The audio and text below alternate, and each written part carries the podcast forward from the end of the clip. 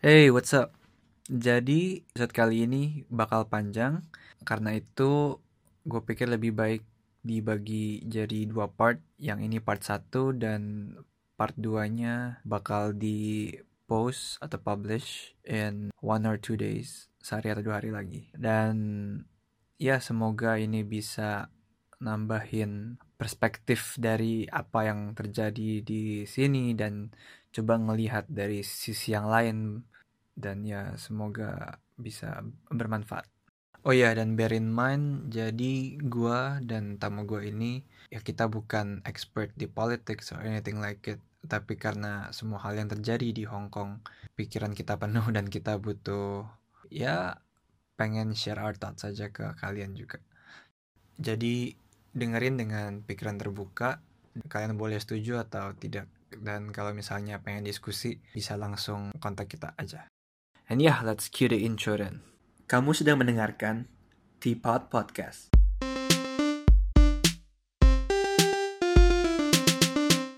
Hello, welcome back to Teapot. Jadi hari ini kita kedatangan tamu lagi, uh, temen gue di satu university. Dia biasanya suka punya opinion yang menurut gue lumayan menarik sih. Jadi gue pengen nanya sama dia. Nah, nama Jelita boleh nyapa dulu? Halo semuanya, saya Jelita. Saya sekolah di Hong Kong University. Sekarang tahun ke tahun terakhir. Ya. Tahun terakhir. Padahal kita sa- satu angkatan ya. Lu kan ngambil gap year buat magang, kalau nggak salah. Ya. Gap semester. Gap semester buat magang. Iya. Jadi sekarang lu masih kuliah satu semester lagi ya? Iya, harusnya lulus kuliah Desember ini, tapi seminggu yang lalu sekolah dibubarkan. Jadi, um, actually Hmm, mungkin gue tahan sebentar dulu. Nih gue, gue juga mau jelasin sedikit. Eh, hari ini Budiman nggak bisa ikut kita ngerekam podcast, jadi dia dia lagi ada acara. Jadi sekarang gue cuma sama Ji- Jita doang. Yep. Nah, eh, sama kayak yang tadi Jelita bilang, kita di Hong Kong ini udah memasuki ke minggu ke berapa? ya? 23. 24, du- 23 ya. Udah Dua- berenam bulan ya berarti iya, ya. gila ya. Gila, udah enam bulan. Gila sih. Demo mulu. Kerjanya apa? Gila, terus kan kayak gue kan sebenarnya bisa lulus kuliah lebih awal kan, tapi Iya. I nggak, eh, tapi gue nggak, I nggak mau lah because of some reasons. Tapi kayak I, I just think kayak oh sekolah aja lanjut. I'm just finishing my minors kan. Terus kayak enam bulan lalu siapa yang nyangka gitu nggak sih sekolah bakal kayak gini? Iyalah, nggak ada yang mikirin. Maksudnya bener-bener gak kepikiran sama sekali gitu loh. Terus eh, ya it just sucks gitu. Soalnya my last semester terus bahkan gak bisa selesaiin sekolah. Ya baru hari ini aja gua baru dapat email sih. Gua kan mestinya gue sih udah graduate eh, technically, tapi kan seremoninya itu di awal Desember in two, two weeks, three Iya. weeks ya, two to three weeks lah. Nah ta- tadi gue baru dapat email bahwa uh, graduation ceremony itu di cancel gara-gara Sekolah kita mereka hancur. karena mereka nggak bisa mastiin kondisinya itu bakal safe buat mereka ngadain uh, seremoni ini. Nah jadi Hmm. yang mau gua sampaikan adalah gi- gimana kita di saat ini banyak murid-murid Indo juga kan di Hong Kong dan sekarang tiba-tiba uh, sekolah di cancel Iya. Bukan bukan cuma HKU ya di dari UST, Justru, C- CUHK Iya. dan yang lainnya itu ya mereka akhirnya uh, decide buat stopin semester kita eh sem- semester ini dan memindahkan kelasnya online ya kalau nggak salah ya Iya, dan ntar i- i- examnya pun nggak nggak tahu gimana caranya Nggak- mereka bisa bikin Iya nggak tahu. Jadi terus kan kayak semua orang punya orang tua pasti nanya dong. Terus sekolah kamu gimana? Terus jawabannya nggak tahu gitu. Soalnya cuman mereka cuman bilang nggak ada sekolah lagi for the rest of the semester. Tapi Hmm. examinations, assessment, em, assignment gimana cara kumpulinnya segala macam bakal dikabarin nanti. Jadi ya, sebenarnya ya nggak se- jelas se- sebenarnya ini kan terjadinya bener-bener impromptu juga jadi mereka pasti juga belum ada apa sih belum ada plan buat buat ke depannya sih jadi kinda make sense dan yang pengen gue sampaikan itu kan kita kadang-kadang banyak dari kita yang nggak- gitu soal nggak gitu peduli soal politik kan dan apalagi eh, biasanya pas things going on teman-teman kita di Instagram ya mereka biasa aja tetap jalan-jalan atau oh paling gue stuck di rumah nih nggak bisa keluar gitu-gitu Iya, doang iya. kan.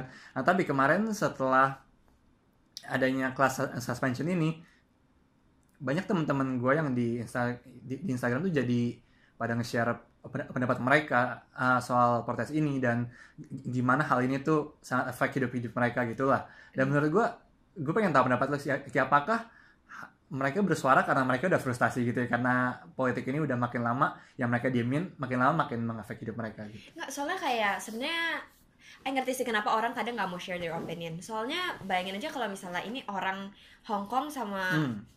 orang Hong Kong yang berantem masalah mereka. Terus kadang-kadang kita as an outsider kita feel like kita nggak really have a say gitu masih. Especially kalau ini dua pihak yang dua-duanya sama-sama passionate in the things they believe in. They Hmm. believe in. Dua pihak tuh siapa maksudnya? Orang yang uh, pro bukan pro- mungkin bukan pro polisi tapi lebih ke arah um, Tengah lebih lebih tengah-tengah lah ya kurang Iya. lebih. lah. apa ya? Ya anggap aja dua pihak, satu lagi yang pro polisi, satu yang protesters gitu. Ah. kalau misal dua-duanya sama passionate terus yuk kayak terus kita pasti punya teman yang kayak orang Cina dan kita punya teman orang Hong Kong kan Hmm.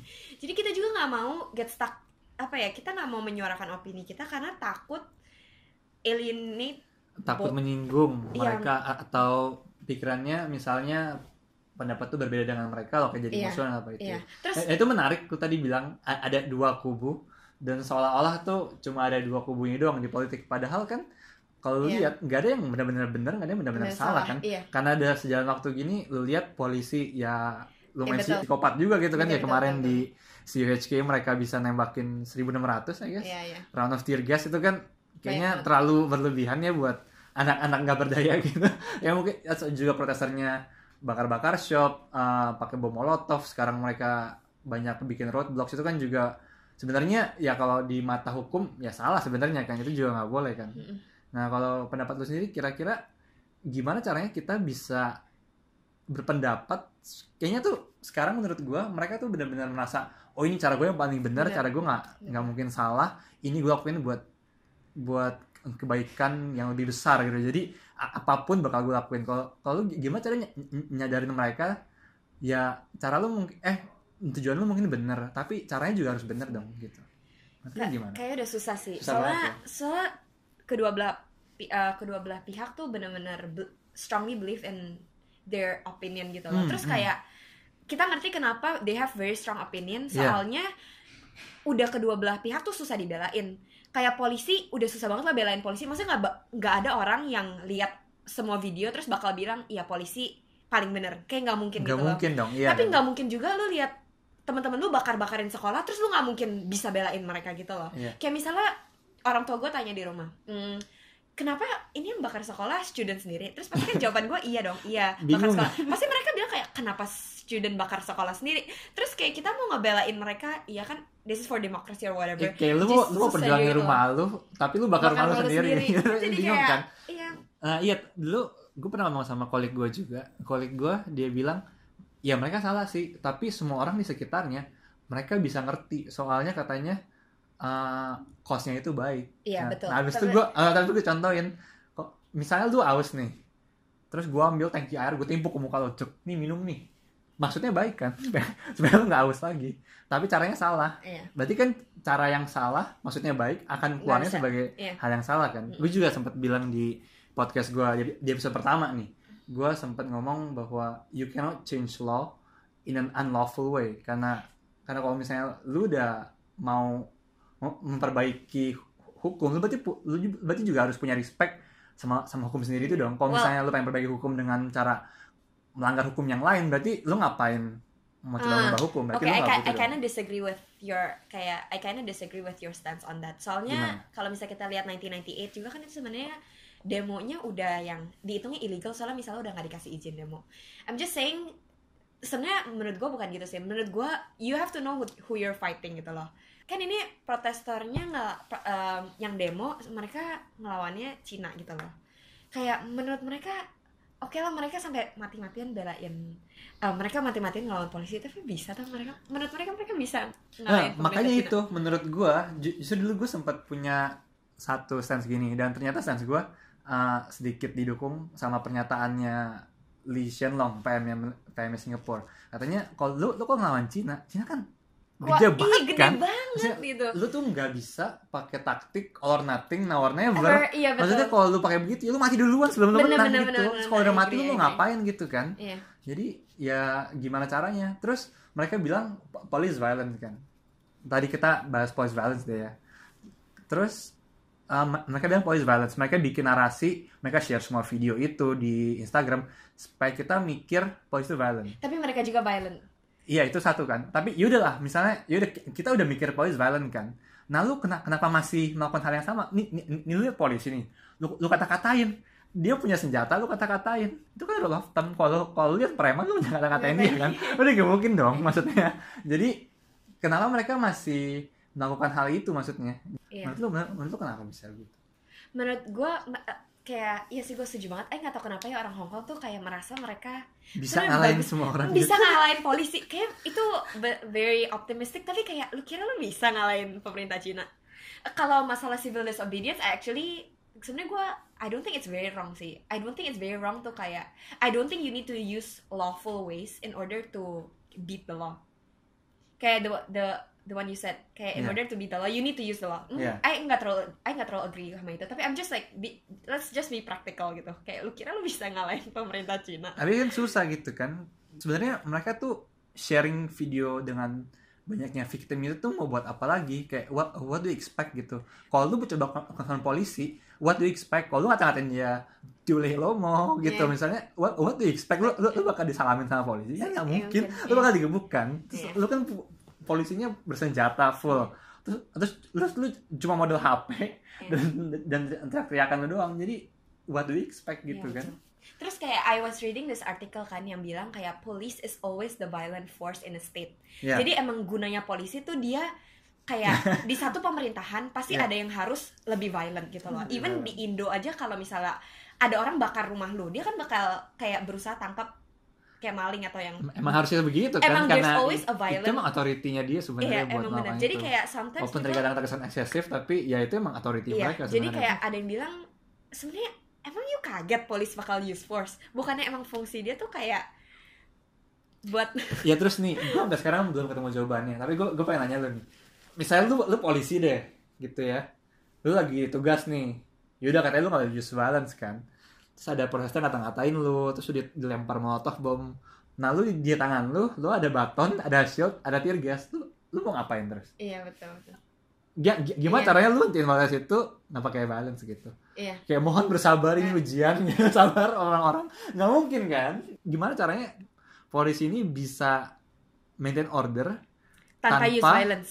Nggak tanpa provoke orang-orang lagi Betul. makin parah itu ya maksudnya kita ngakuin lah awalnya mungkin mereka pas lagi peaceful ada yang Eh, excessive. ada oknum yang beberapa itu kan nggak mungkin semua dong Mm. maksud gua, menurut lu lu masih percaya gak kalau ada kalau misalnya gue bilang masih ada polisi yang sebenarnya nggak violent ada beberapa gitu satu deh gue bilang satu polisi nggak violent gitu Tapi oke kalau misalnya di awal-awal orang mungkin bilang kayak police was using excessive force. Tapi kalau misalnya sekarang kayak emang udah sekarang susah kan maksudnya sekarang protester juga udah mulai violent sih. Kecuali zaman dulu kayak iya atau sih. Ya makanya kayak kemarin kan ada banyak korban ya dari police dari police violence ini. Ada yang kemarin sampai satu meninggal anak UST Hmm. terus mereka demo lagi dengan tujuannya adalah katanya buat uh, mengenang berkabung gitu lah Iya. dengan kematian anak itu.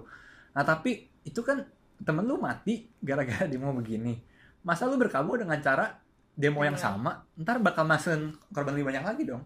Nah, tujuan lu apa gitu? Kalau misalnya temen lu kepleset di cliff jatuh masa lu berkabung dengan cara lu berdiri di pinggir cliff itu lagi itu kan sama ca- cari mati dong kenapa lu coba mengevaluasi metode lu de- ya berdemo ini gitu kan Tapi to be fair mereka protes um, mereka udah peaceful protes tuh lama loh sebelum mereka kayak bikin vi- violent. tiga bulan ya nggak salah Iya, terus Tiga kayak bulan. salah salah government. Maksudnya nggak bisa nyalain protester sih salah Ga- government. government emang salah maksudnya mereka re- responnya lama kan tapi to be fair government mana yang responnya yang cepet?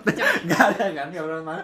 Government emang sangat hopeless kalau lu suruh cepet aja tuh pasti gagal lah maksudnya. Iya. dan menurut gue kemarin dengan the extradition bill-nya ditarik menurut, menurut gue tuh amazing banget loh. Maksudnya mereka demo gitu aja atau bisa ditarik kayak something happen gitu. Coba pengen di Indo kita demo capek-capek DPR-nya juga nggak bakal dengerin lu gitu kan. Ada progres yang Tapi mereka buat gitu. sih, menurut itu gue. pelan banget loh Fer. Soalnya kalau misalnya pasti kok kan pasti. kalau di Indo tuh demonya demo di Hongkong kemarin tuh 2 juta orang dari 7 juta. Itu berapa persen population? Lu bayangin kalau misalnya di Indo segitu banyak yang demo pasti government have, has to do something gak sih? Iya sih emang tapi gimana namanya government ya? So, jadi you expect the government to terus tapi oke kita trying to put our shoes in the government shoes lu jadi Carrie Lam lu takut gak berbuat apa-apa kalau gue jadi Carrie Lam sebenarnya Carrie Lam menurut gue kepedean soalnya dia di sama Cina iya Iya nggak mas- sih nggak mungkin banget nggak sih dia nggak didek sama Cina ya pasti lah maksudnya kan itu jadi rahasia umum lah ya kalau Iya. misalnya minta Hongkong itu emang dapat pengaruh banyak dari minta Cina lah ya. Nah, eh, tapi makanya tuh oke kita ambil contohnya kayak presidennya di HKU deh, Hmm. eh, vice chancellornya katanya dia res- re- responnya tuh kurang apalah gitu kan. Ta- tapi lu bayangin lu kan jadi pemimpin nih, itu kan lu punya banyak orang di, di, Iya. di bawah lu kan. Dengan orang ini pasti majemuk pandangannya, nggak mungkin lu Iya. punya satu pandangan. Maksudnya dia tuh ke mananya pasti pasti ada Salah. salahnya. nggak Makanya- apa pun nggak nggak makanya dia dia harus neutral biar biar orang ngatain dia ah ah, lu mah nggak ngomong apa-apa yang penting dia nggak nggak salah ngomong gitu ngerti gak sih iya jadi lo, lo bisa mengerti bahwa re- respon pemimpin itu kadang-kadang ya emang terdengar kosong karena mereka terlalu harus cari gimana aman. kalau misalnya belok sini meledak sana Sana meledak meledak, ya iya. itu kan Gitu. bahaya banget eh tapi you nggak mau bacain mereka apa yang presiden HKU bilang SNSQ bilang ah ini dia cuma selalu bilang condemn all violence kan ya ya pokoknya tapi, tapi itu bener sih menurut gua men- sih condemn all violence ma- masa salah gitu menurut gue Gimana statement dia bagus salahnya? banget statement dia bilang kayak ada lima uh, ada student oh kita yang oh yang baru ya yang baru ini nggak ini yang paling pertama ada lima student Itu kita yang baru. Itu yang itu yang paling recent ya. yang paling recent ya ya ada lima student kita yang ketangkep terus kita bakal do e- everything in our power to make sure they get their fundamental rights. Menurut gue udah fundamental rights, ya. udah dia udah nggak bisa ngomong apa apa lagi gitu loh. Iya maksudnya iya tapi kemarin gua keren banget sih di CUHK mungkin karena emang udah kacau banget kali ya. Oh yang terus sampai vice chancellor sa- sampai turun ke jalan menurut gue itu gue good gesture itu hebat banget sih. sih. Good, good gesture. Tapi itu dia gila loh dia emang selesai jadi dia udah bukan jadi presiden lagi. Setahu gue dia Oh, udah udah bukan nggak udah mantan gitu. Pokoknya dia udah jadi oh, udah nggak jadi eh, nggak duduk di kursi CUHK terus dia jadi first aid. Dia volunteer jadi kayak nah tapi dia kan coba damain protester sama polisnya kan? Iya. terus gue videonya lumayan lumayan sedih sih. Dia kan Sedih. coba talk some senses gitu. Tapi prosesornya ada satu yang bangun dia emosional banget. Lu ke mana tadi pagi? Kenapa lu datangnya pas udah kelar semua? Ya karena dia mau hidup guys. Itu kan make sense banget kan maksudnya terus dibilang lu terlambat datangnya. Terus kapan ya nggak terlambat gitu? Ya udahlah maksudnya kita put things behind. Maksudnya kayak gue ngomong di podcast sebelumnya tuh menurut gue situasi ini tuh udah kayak clusterfuck gitu. Hmm. jadi the government fakta profesor fakta police fakta semuanya udah fakta akhirnya semua jadi makin kusut udah nggak tahu siapa yang salah udah semuanya udah, udah salah. jadi bola panas udah nggak tahu nih Hmm. di mana gitu kan. Nah kalau kalau lu masih mikirin ada dendam sampai teman-teman gue yang lokal teman-teman teman Iya. gue nih lo- orang-orang lokal itu pada post status never forgive never forget, Forget. terus mau sampai kapan, kapan? gitu betul kan? betul. Sampai kapan berhentinya gitu. Bahkan pas yang balik lagi ke yang tadi sampai si chancellor ini dia pas mau ngomong sama polisi aja. Polisi udah ngomong apa this is no time for ne- negotiation. Terus kayak terus gila banget itu kalian mau ngapain sih? Mau berantem berantem gitu Hmm. yang nggak penting banget kan? Tapi hebat banget sih studentnya optim studentnya pede banget. Mereka kira mereka dia mereka tuh pinjam alat-alat dari gym. Mereka pinjam alat dari kayak segala macam panah dari ekstrakurikuler. Terus mereka kira mereka bisa lawan polisi. Hebat sih mereka. Nggak tahu makanya makanya berapa banyak yang mereka lakukan itu gue nggak tahu what do they expect gitu sih. Iya. Mereka mereka vandalize sekolah. Terus lu, lu kira bisa apa dengan vandalize sekolah? I agree. Emang kok misalnya lu vandalize sekolah? Kayak lu maksud oke ini demokrasi gitu. Nggak mungkin. Mereka tuh sebenarnya bukan vandalize sekolah tau. CHK tuh jadi parah banget soalnya. Kan jadi nggak di mana mana gue bukan ngomong kayak gitu Iya, tapi nah, tapi mereka kayak tujuan mereka tuh bukan vandalize sekolah tapi tujuan mereka mereka mau stop road gitu kan. Jadi road, road sama mereka diblok-blokin. Hmm. segala macam di sentral MTR dimatiin. Itu kan sebenarnya buat ruin di ekonomi gak sih so I feel like that's tujuan mereka gitu. Iya maka iya emang nilai ekonomi kan katanya ini buat the bigger iya. uh, goal gitu. Tapi menurut gue ini nggak tahu personal opinion gue ya tapi gue, gue juga mau tahu pendapat lo kalau misalnya ntar ekonominya anjlok dan lain sebagainya investor keluar semua apalagi kan Hongkong rely heavily on the in- in- investment banks. Kalau misalnya investment banknya itu udah pada keluar semua pindah ke Singapura ya apakah menurut lo Hongkong itu worth it buat ambil Cina lagi? Iya nggak tahu deh. Nggak tahu kan. Terus makanya itu sedih banget buat dipikirin kan maksudnya. Terus maksudnya misalnya deh lihat di endingnya. Kita langsung fast forward to, to the ending misalnya. What's the worst thing that can happen? The worst thing that can happen uh, Liberation Army datang. Misalnya nggak misalnya ya udah deh. Ah Hong Kong gagal ya udah di take over terus. Udah, udah 50 years terus di take over gitu kan. Masih jauh banget sih 50 years masih jauh banget dari sekarang. 20 28 more years sih sebenarnya. Ya tapi masih abis- jauh ya. masih jauh banget iya makanya masih jauh kan. Tapi misalnya what the worst what's the worst case that happen? could misalnya happen now mi- mi- misalnya di itu deh di take over di di akhir nanti. Ya terus apa yang berubah dengan lu? Ya nggak tahu.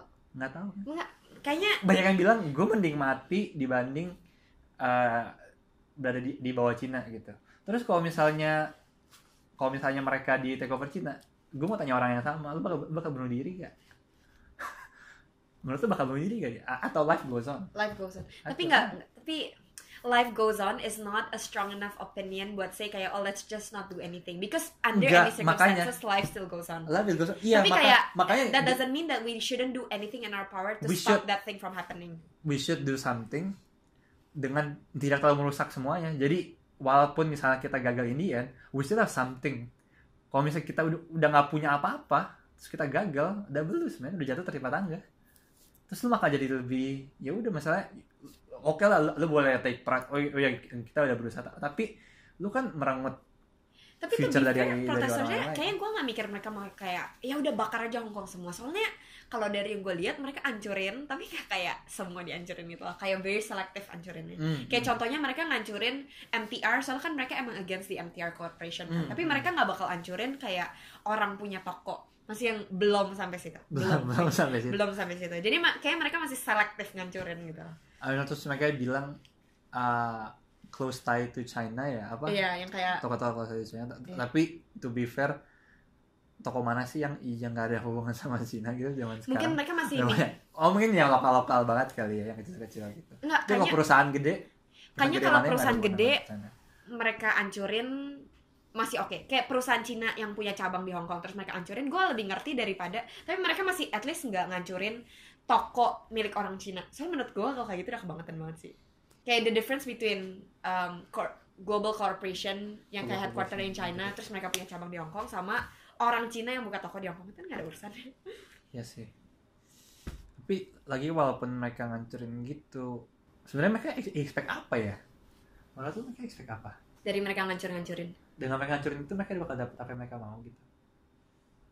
Itu yang gue selalu bingung sih dengan melihat kejadian ini tuh kan mestinya oke demokrasi itu kan tujuan lu kan. Iya. Ini basic business lah. Kalau lu lu punya goal, lu punya action plan dong. Setiap action plan, setiap action yang lu take itu moving towards that that goal. Ada tujuannya gitu. Tapi ini gue nggak bisa map ini ke tujuannya gitu. Misal lu bakal lu, lu bakal bendera, bakal Iya. bakal bendera, bakal toko. Tujuannya apa? Cuma buat Iya sih. provoke mereka doang. kayaknya kayaknya mereka pikir dengan mereka put pressure on kayak this corporation or the government mereka bakal bisa tanda kutip kalahin government. Governmentnya bakal kayak succumb to their their wants gitu loh. Tapi again kita lah lihat dulu dong lawannya siapa Ah, lawannya susah berat terus tuh. lu denger gak sih yang eh, terakhir kali si Carolyn Ah. ngomong apa if you think that violence yeah if there's any le- left wishful thinking that you're gonna that the government is going to succumb because of your violence let's make it clear it's not going to happen terus kayak Ya itu itu gue denger itu gue lagi kayak damn son, nih orang berani banget. dia, lu kalau lihat pidato dia sebelum dia ngomong wishful thinking, dia pause bentar loh. Dia kayak Kayak dia mikir oke, deh, kayak, kayak apa kan gue harus ngomong gini gitu. Terus dia ngomong wishful thinking, gue kayak damn son, gila. Lu what a way to set, setting more on fire. Enggak, karena banyak juga tahu yang di pihak mereka yang di pihak Carolyn orang Hong Kong yang di pihak dia menurut gue juga banyak emang banyak orang yang demo tapi banyak orang yang diem-diem tapi sebenarnya mereka kayak em, kayak ini udah kebangetan deh gitu I mean, ya gimana gitu kan metodenya sih. Ini kita oke lah kita put things behind lah ya. Semuanya misalnya kita bu, kan tadi kata lu kan mereka udah protes damai tiga bulan. iya Terus berarti sekarang udah protes violent tiga bulan dong. Bukankah ini saat yang mereka e- evaluasi lagi? Katanya kemarin kan tiga bulan gagal, mereka evaluasi, mereka escalate kan. Apakah dengan ini mereka evaluasi lagi? Kalau misalnya lu you keep doing the same thing, then you expect different results. Apakah itu salah gitu? But do you remember kayak a month ago mereka bilang kayak I think it's time to kayak lower down a bit the kayak tone down the violence. Soalnya then it's driving the people yang in the middle nggak oke it's driving people yang nggak as radical as Hmm. the protesters kayak away from to stray away from the cost gitu loh. Iya mereka Terus gua menurut kayak, gue oh, bener sih. mereka aja tuh se- semakin polarized sih orang-orangnya. Semakin ter- terpecah belah juga gitu. Dulu ada yang bilang oh kita bongkar brick tuh cuma buat itu buat halangin Barricade. barricade nggak buat lempar. Sekarang Lempar. oh ya we take out the bricks to throw it at the police. Terus kayak itu apa dong? Anda harus konsisten. Terus ya gitu kan. Kayak kemarin juga di kantor dekat kantor gua Wong Chuk Hang ada demo tuh. Terus kan emang lunchtime demo doang jadi di, di, di, ya, di, di, di schedule dari jam 1 sampai 2.30 Hmm. terus bener-bener pas 2.30 tuh berhenti orang-orang kerjanya balik lagi. Mereka demo bentar besok balik itu kan that's really cool I think. Maksudnya Yeah. itu gila mereka komitmen banget kan. Nah tapi di antara orang-orang itu ada yang udah mulai pakai topeng kan. Terus mereka datang mereka take out the bricks like 10 minutes before it's over. Oh. terus udah take out the bricks ngapain terus? Buat apa dia take out? Nggak udah kelar juga demonya kan. Terus nanti berarti kan it shows that mereka sebenarnya sinerginya kurang agendanya sebenarnya ada beberapa orang ya emang mereka pengen demo tapi demonya lebih damai dan beberapa orang yang "Let- let's burn everything down aja gitu bener gak sih Iya, susah lah. Kalau misalnya demo kayak seribu orang, cuman butuh 10 orang buat ngancurin things gitu loh. Kayak 900 lainnya super duper peaceful, nggak matter kalau misalnya 100 orang make chaos. Ya nggak sih? Hmm, iya, iya. Pasti semua dicapnya, ah ini demonya nggak bener. So I guess ini sampai sekarang masih terlihat hopeless lah ya. Nggak hopeless ya. Sebenarnya end go apa ya? Nggak tahu kayak eh, lu lu nggak bisa maksudnya sampai sekarang lu lu masih nggak bisa lihat cahaya di ya Menurut lu how this gitu. will end? Oke, kita potong di sini dulu. Thank you udah dengerin sampai ending dan jangan lupa stay tune buat part 2-nya and yeah, see you on the next perspective. Bye.